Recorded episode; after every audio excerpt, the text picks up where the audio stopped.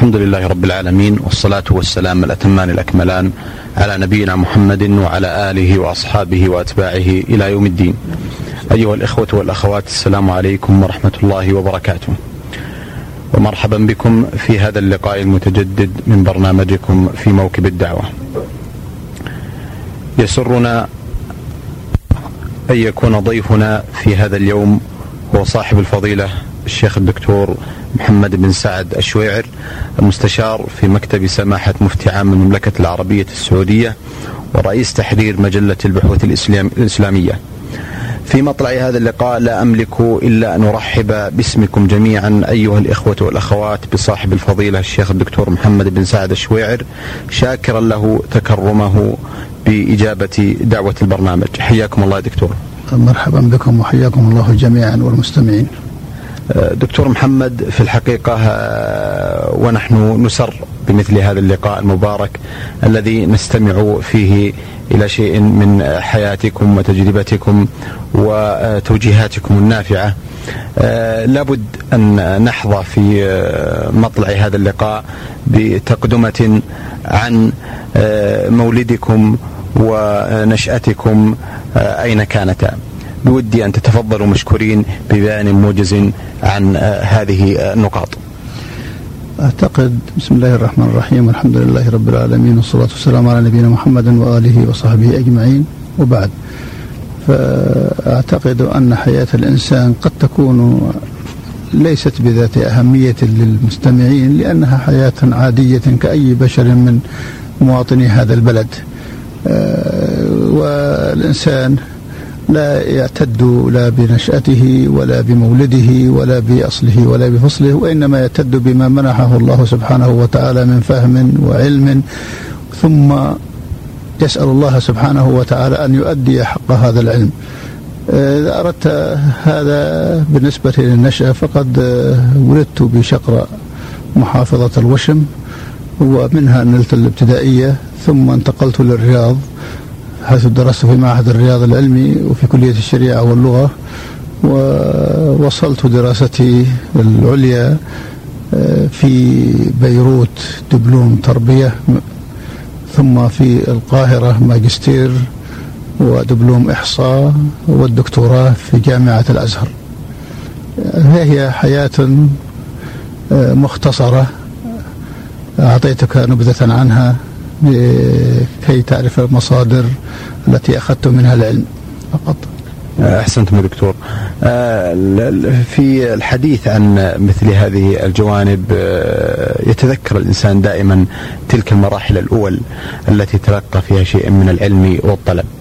آه، أحسب أن للدكتور محمد بن سعد الشويعر العديد من الشخصيات التي أحبها تأثر بها ونهل من علومها وآدابها وأخلاقها. آه، هل لكم أن تتفضلوا دكتور محمد آه، بذكر بعض تلك الأسماء التي كان لها تأثير واضح وجلي على مسرح حياتكم آه، العلمية والدعوية؟ هذا الموضوع متشعب وطويل إذا أراد الإنسان أن يستعرض ما لشيوخه ومدرسيه من دور في تنشئته وتوجيهه التوجيه السليم. لكن لعلي أعطي نبذة دون الإحصاء لأن كل مشايخنا جزاهم الله خيرا وغفر الله لمن توفي منهم. لهم فضل علينا كما يقال في الحكمة العربية من علمني حرفا كنت له عبدا. في شقرة حيث درست المرحلة الإبتدائية. كان لنا أساتذة فضلاء منهم من انتقل إلى رحمة الله ومنهم من لا يزال يعطي عطاء بعلمه. فمن هؤلاء المشايخ الشيخ عبد الله بن سليمان بن منيع جزاه الله خيرا قاضي تمييز مكة والشيخ الدكتور عمر بن مترك غفر الله له الذي كان آخر حياته مستشارا في الديوان الملكي والشاعر عبد الله بن دريس رحمه الله والشاعر عبد العزيز المقرن رحمه الله ومدير المدرسة إبراهيم الجهيمان ثم الشاعر الأستاذ عبد الله عبد الرحمن بن عبد الله بن عبد الكريم وإبراهيم الهدلق كل هؤلاء تولوا الإدارة عندما كنا فيها فلهم علينا فضل العلم وفضل التوجيه بعد الله سبحانه وتعالى. في الرياض كان الإنسان نهل من مشايخ أجلة. آه، الشيخ عبد الرزاق عفيفي رحمه الله الشيخ محمد الأمين الشنقيطي رحمه الله ومجموعة من المشايخ المصريين. رحمهم الله الذين كان لهم دور في البعثات الأولى كان محمد سرحان وعبد اللطيف سرحان وعبد السلام سرحان ومحمد رفعت ومحمد نائل وغيرهم كثير جدا ممن لهم مكانة علمية. وكان الرعيل الأول الذين وصلوا إلى الرياض إلى المملكة بصفة عامة. من المدرسين المصريين حقيقة يؤدون حق العلم وحق الواجب في تنشئة الأجيال وتوجيههم التوجيه السليم بعلمهم الواسع وبإخلاصهم. وفي الأزهر أيضا تلقيت على مجموعة فضلاء وأخص بالذكر منهم رحمه الله شيخنا آه، دكتور حسن جاد الذي كان من أجلاء المدرسين الذين جاءوا للمملكة في ذلك الوقت وأذكر وأيضا تولى مناصب كبيرة في جامعة الأزهر إلى أن انتقل إلى رحمة الله منذ سنة. وأذكر من كلامه الذي قاله لي إنني كنت وزملائي المدرسين عندما كنا نعمل عندكم في المملكة ذلك الوقت. كنا نخشى من الطلبة وكنا نعد أنفسنا إعدادا ونذاكر كأننا طلاب لأننا نجابه طلبة من نوع جيد مستواهم العلمي وفي النقاش وحصيلتهم في القراءة والفهم فوق ما كنا نتصور فكنا نتعامل مع قرناء ولا نتعامل مع تلاميذ. وسمعت هذه الكلمة من أكثر من واحد من مشايخنا كعبد السلام سرحان رحمه الله ومن الشيخ القط ومن الشيخ محمد رفعت عندما كنت في مصر بعدما آه، كنت أدرس عندهم هناك كلهم يرددون هذه الكلمة وهذه شهادة حق للأجيال الأول الذين تخرجوا في المعاهد العلمية وكليتي الشريعة واللغة العربية وحرص المسؤولين برئاسة الشيخ محمد ابن إبراهيم مفتي عام المملكة. ذلك الوقت رحمه الله على أن تؤدي هذه المعاهد والكليات دورها والمهمة التي أنشئت من أجلها. وقد سدوا ثغرات كثيرة في المجالات العلمية والقضائية والتدريس والوظيفية أيضا. فجزى الله من فكر فيها ومن سعى إليها ومن اهتم بها لما لها من أثر كبير ودور لا يمكن احدا أن يجحده. أحسنتم أثابكم الله دكتور. آه، في أثناء الحديث عن المراحل الدراسية التي تلقيتموها دكتور محمد آه، ذكرتم انفا أن آه، تلقيكم مرحلتي الماجستير والدكتوراه كانت في الأزهر. هل كانت هناك في ذلك الوقت بحوث معينة تقدم لنيل آه، كل من هذين من هاتين الشهادتين؟ آه، ذلك الوقت كانت في الأزهر بحوث عديدة وفي كل سنة دراسية وخاصة في الماجستير بحوث فالماجستير في الأزهر ذلك الوقت كانت سنتين دراسة ثم المرحلة البحث فسنتي الدراسة فيهما بحوث. كل سنة يطالب المدرسون ببحوث متعددة. وكل هذا من أجل تنشئة الطلاب وتعويدهم على الاستمرار في البحث والمواصلة واستخراج المعلومات ومعرفة مظانها حتى يكونوا قادرين على آه، معرفة المواطن التي يمكن يستخلصوا منها. معلوماتهم وأيضا من أجل أن يعرفوا ما تضمن تتضمنه هذه الكتب من آه، بحوث وفصول خاصة لأن بعض علمائنا السابقين رحمهم الله آه، في تأليفهم لا يقتصر الكتاب على موضوع واحد كما هو المنهج الجديد في البحث العلمي أو في التأليف. فيأتي الكتاب وفيه موضوعات متعددة يستقيها الطالب. إذا المهمة الذي يرشدون الطالب إليها هي هذه الأشياء أن تعرف المضان الذي تجد فيها البحوث المتعددة لأنهم يهيئون الإنسان ليكون عالما. ولذلك كانوا في الأزهر آه، سابقا لا يسمونها ماجستير ولا يسمونها دكتوراه وإنما يسمونها الشهادة العالمية يعني أنه أصبح عالما قادرا على أن يسد الثغرة التي سيوجه إليها. وفي الدكتوراه أيضا فيها بحث للرسالة تناقش كما أن رسالة الماجستير أيضا تناقش هي الأخرى آه، علنا في قاعة كبيرة وأحضرها كثير من المستمعين ومن المناقشين ومن الأساتذة الذين يدخلون في النقاش يدخلون في النقاش ويعطون رأيهم في هذه الرسالة وما قدمه الطالب وطريقته في البحث ومنهجيته فيه. هذه هي المسائل التي سار عليها الأزهر وهي الخاصة في الدكتوراه بالذات هي الطريقة التي تسير عليها الآن كثير من الجامعات وحتى جامعاتنا هنا أحسنتم دكتور آه ذكرتم آه دكتور محمد بن سعد الشويعر قبل قليل أنكم آه بعض الأسماء التي كان لها تأثير على مجرى حياتكم العلمية في بداياتكم الأولى. آه، هل هناك مزيد من الشخصيات التي تأثرتم بها حتى بعد آه، انخراطكم في العمل الوظيفي في عدد من الجهات؟ الأهم الحقيقة من تأثرت به واستفدت منه رغم أنني آه، لم أدرس عليه أيام الماء كان مدرسا في المعهد ولا في كلية الشريعة. هو سماحة الشيخ عبد العزيز بن باز رحمه الله مفتي عام المملكة الذي لازمته ثمانية عشر عاما. علاوة على حضوري لدروسه قبل أن آتي عنده وبعد أن جئت عنده والاهتمام بما يصدر من هذا الرجل لأنني أشعر أن كلماته منذ عرفته ومنذ التقيت به لقاء متواصلا وهو في المدينة بعد التقائي به بالمدينة ونصائحه لي شعرت بجاذبية لا أدري إحساسها مع هذا الرجل الذي أشعر أن كلماته تصدر من القلب وإلى القلب. فالرجل إذا كان مخلصا جعل الله له القبول.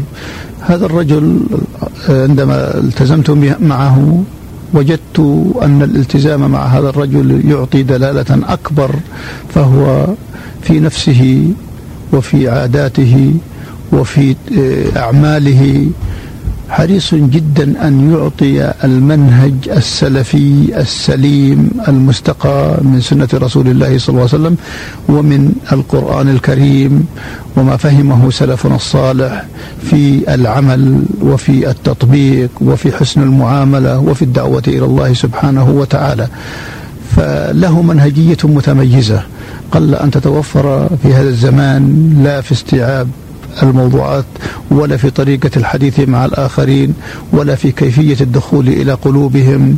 ولذا فإن الإنسان يشعر بالانجذاب نحو هذا الرجل ولا أقول هذا عني وحدي ولكنني شعرت هذا مع كثير ممن قابلوا الشيخ والذين انعكست آراؤهم في في حديثي معهم وفي فهمي لما فهموا عن الشيخ. ومنهم من لم يقابله إلا أول مرة ومنهم من أعجب به وهو بعيد عنه ويحرص على أن يقابله لما يرى ويسمع ولما وصله من هذا الرجل من علم ومن نفحات طيبة ودعوات صادقة. فهذا الرجل كما قلت لك تأثرت به تأثرا كثيرا وأعتبر أن جلوسي معه هي المدرسة الحقيقية مدرسة علمية ومدرسة توجيهية ومدرسة في أسلوب التعامل مع الآخرين في الضعفاء. وفي المحتاجين وفي الأقوياء وفي أصحاب الديانات المختلفة. كل هذه أساليب يستطيع الشخص أن يستشفها من طريقة الشيخ عبد العزيز وتعامله مع الآخرين لأنه يعطي كل إنسان ما يتناسب معه ولكنه يت يتمثل بمنهج الدعوة الإسلامية التي وجه الله إليها نبيه صلى الله عليه وسلم. بقوله جل وعلا ولو كنت فظا غليظ القلب لانفضوا من حولك. وبقوله سبحانه ادعو إلى سبيل ربك بالحكمة والموعظة الحسنة وجادلهم بالتي هي أحسن. فكان هو ذا منهجه رحمه الله ولم أره في يوم من الأيام أغضب إنسانا حتى لو اختلف معه. وهذه منة من الله سبحانه وتعالى يعطيها من يشاء من عباده والأخلاق لا تكتسب بالتمرن ولا تكتسب بالشراء ولا بالبيع ولكنها طباع يسلكها الله سبحانه وتعالى في الإنسان إذا خلصت النية وصدق في العزم وأحس بأنه في حاجة إلى أن يتمثل بهذه فلا بد أن يقابلها أيضا بالدعوات من الله سبحانه وتعالى أن يسخره لهذه الطباع التي هي أخلاق القرآن وأخلاق سنة رسول الله صلى الله عليه وسلم.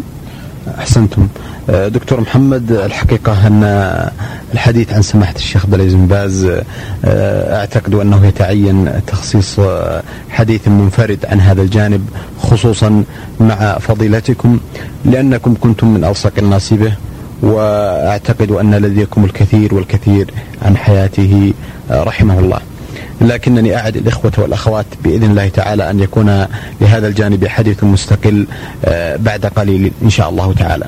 دكتور محمد آه، قبل أن نتجاوز هذه النقطة آه، هل تذكرون زملاء لكم كانوا في الدراسة في المراحل الأول تلك في أثناء دراستكم في الابتدائية في شقراء أم في المعهد العلمي في الرياض أو في الدراسة العليا؟ الزملاء كما تعرف في كل مرحلة عدد وقد يكون في مرحلة عدد غير العدد الثاني الذي في المرحلة الأخرى.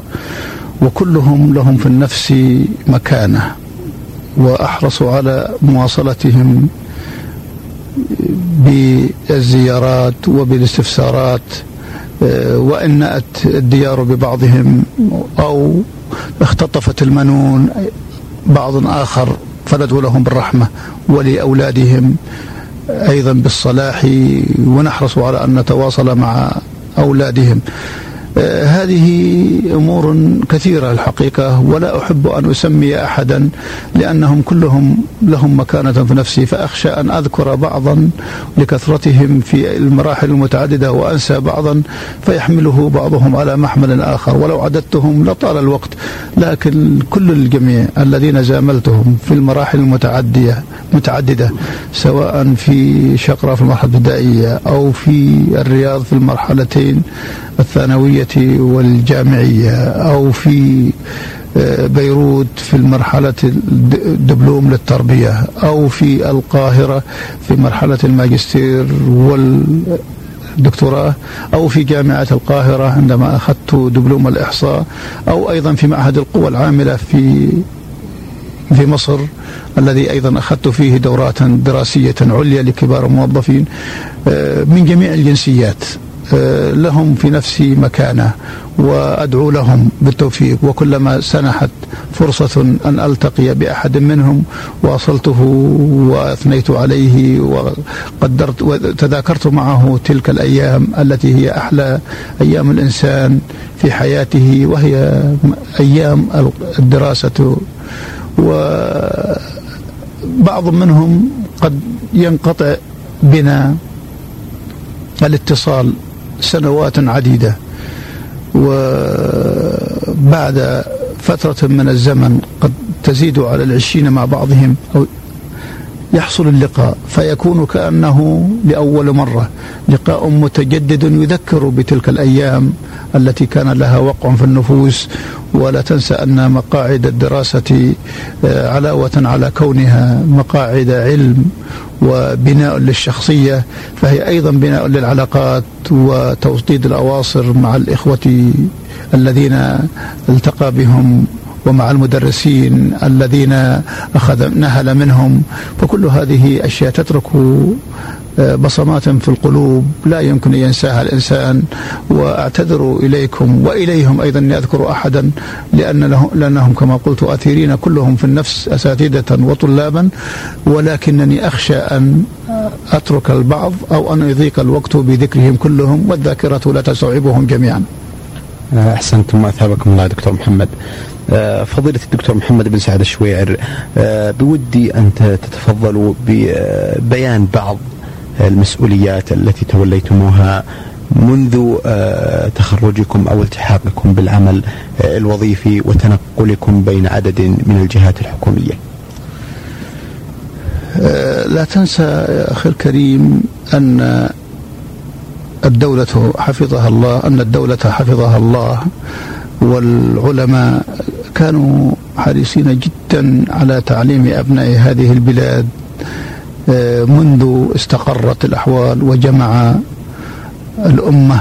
الملك عبد العزيز رحمه الله في هذا الاتحاد الذي يعتبر نادرة من نوادر الزمان وألف الله به القلوب وجمعت به الكلمة. فلما استقرت الأحوال عند الملك عبد العزيز وهيأ الله سبحانه وتعالى للبلاد مواردها آه، شعروا كما هي طباعهم وعاداتهم. جزاهم الله خيرا جميعا بأداء الدور العلمي الذي به تبنى العقول وتبنى الديار أيضا. فحرصوا على تعليمها الناشئة. منذ عهد الملك عبد العزيز ثم توالى أبناؤه من بعده هذه المسيرة وكل واحد منهم يزيد في قدراته وقدرات ميزانية الدولة ومتطلبات البلاد حتى وصلت إلى ما وصلت إليه حاليا من الحمد لله رقي ومكانة علمية في جميع المجالات. الفترات الأولى بالنسبة للدراسة كانت آه، بالنسبة للطلبة قد هيأ الله لهم من ولاة الأمر ما يعينهم لأن الوضع آه، البيئي في البلاد كما ذكر الريحاني في تاريخه آه، عن وصفه للملك عبد العزيز. إن الملك عبد العزيز جابها مشاكل كثيرة ومنها أن ثلثي سكان البلاد بادية جهال والثلث الباقي الآخر آه، حاضرة آه، يكتنفهم الفقر لا موارد لهم. فجعل الله من الملك عبد العزيز نعمة على هذه البلاد. عندما أخرج الله له آه، كنوز الأرض فسخرها هو وأبناؤه في تغيير البنية الكاملة لهذه البلاد وإتاحة الفرص للمواطنين. فبالنسبة لأيام الدراسة آه، كان الإنسان يتحمل مع مكافأته التي تتاح له مؤنة عائلته وهذه لا تنسى للمسؤولين أن يدركوا هذه الناحية عندما أوجدوا مكافآت لأن المكافآت للطلبة ذلك الوقت لو لم توجد لما استطاع الناس أن يدرسوا لأنهم مشغولين بلقمة العيش. آه، والإمام الشافعي رحمه الله له كلمة يقول لو كلفني أهلي بشراء بصلة ما حفظت من العلم ولا مسألة. فكيف بشاب ظهر للحياة ويشعر أنه مسؤول عن نفسه وعن أسرته؟ لكن جعل الله فيه تلك المكافآت بركة فكفت. الطلاب مؤنة إعاشة أنفسهم وإعالة عوائلهم وطلب العلم أيضا فجمعوا بذلك الحسنيين. آه، بالنسبة للحياة العملية التي أحوجت كل ما تقدم الزمن كلما كثرت متاعب الحياة ومشاكل الحياة ومتطلبات الناس في هذه الحياة. آه، أذكر من هذا أن والدي رحمه الله أصر على أن أتزوج وأنا لا زلت طالبا ولا أملك غير مكافأتي كطالب. ووجدت نفسي في مؤزق حرج. كيف أجمع بين الحالتين؟ حالة الدراسة وحالة الأسرة علاوة عن متطلبات الأسرة كلها. لكن التزامات ذلك الوقت يسيرة كما قلت لك. فوجدت الحل بعد أن أقدمت على الزواج أن ألتحق بعمل ليلي وهو التدريس في القطاعات العسكرية براتب جندي ولست الوحيد الذي عمل هذا العمل. أكثر زملائنا من المشايخ الآن وممن توزعوا في سبل الحياة وتولوا مناصب كبيرة كلهم عاشوا مثل ما عشنا وكلهم درسوا الجنود مثل ما درسنا. فكانت فرصة لنا أن ندرس بمرتب جندي 150 ريالا و50 ريالا إعاشة إعاشة العسكريين بعد المغرب وجزء وجزء بعد صلاة العشاء. يعني بعد صلاة العشاء نعطيهم درسا آخر زيادة. هذه أيضا أعانت في متطلبات الحياة.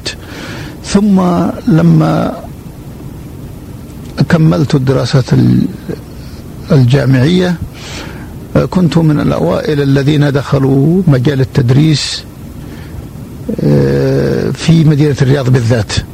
لأنه بدأ يكثر تكاثر العدد فصار الناس يرسلون إلى مناطق متعددة مع اتساع الحركة العلمية في البلاد.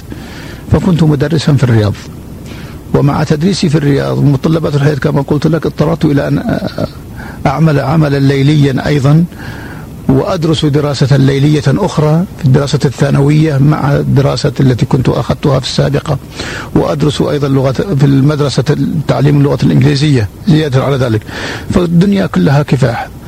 اشتغلت في التدريس مدة سنة ثم انتقلت منها إلى أو أقل من السنة تقريبا ثم انتقلت منها إلى رئاسة تعليم البنات. آه، كموظفا فيها انتقلت إلى عدة وظائف آخرها مدير عام للتعليم المتوسط والثانوي. آه، حيث انتقلت منها في عام 1402 إلى جوار الشيخ عبد العزيز ابن باز رحمه الله في الرئاسة العامة لإدارات البحوث العلمية والإفتاء. آه، هذه بالنسبة نظرة عن الحياة العملية والتنقلات فيها ما بين التدريس في وزارة المعارف والتدريس الليلي بالنسبة للجنود العسكريين و آه، العمل في رئاسة تعليم البنات فترة من الزمن ثم العمل في الرئاسة العامة لإدارة البحوث العلمية والإفتاء حيث لي الآن فيها 18 عاما. أحسنتم وأثابكم الله. الحقيقة بودنا أن نسترسل في العديد من الجوانب المهمة في حياتكم العلمية والعملية. لكنني دكتور محمد أستأذنكم أه، حيث أن وقت الحلقة قد أزف. لأعد الإخوة والأخوات من المستمعين والمستمعات أن يكون لنا تواصل قادم بإذن الله تعالى في لقاء قادم في مثل هذا اليوم مع صاحب الفضيلة الشيخ الدكتور محمد بن سعد الشويعر المستشار في مكتب سماحة المفتي العام للمملكة العربية السعودية ورئيس تحرير مجلة البحوث الإسلامية. آه، في ختام هذا اللقاء أكرر جزيل شكري وتقديري لفضيلة الدكتور محمد بن سعد الشويعر على قبوله دعوة البرنامج. آملا بإذن الله تعالى أن يكون لنا تواصل بإذن الله تعالى معه في لقاءات قادمة بإذن الله تعالى. نلقاكم بإذن الله تعالى على خير في مثل هذا اليوم. والسلام عليكم ورحمة الله. في موكب الدعوة. إعداد وتقديم محمد بن عبد الله المشوح.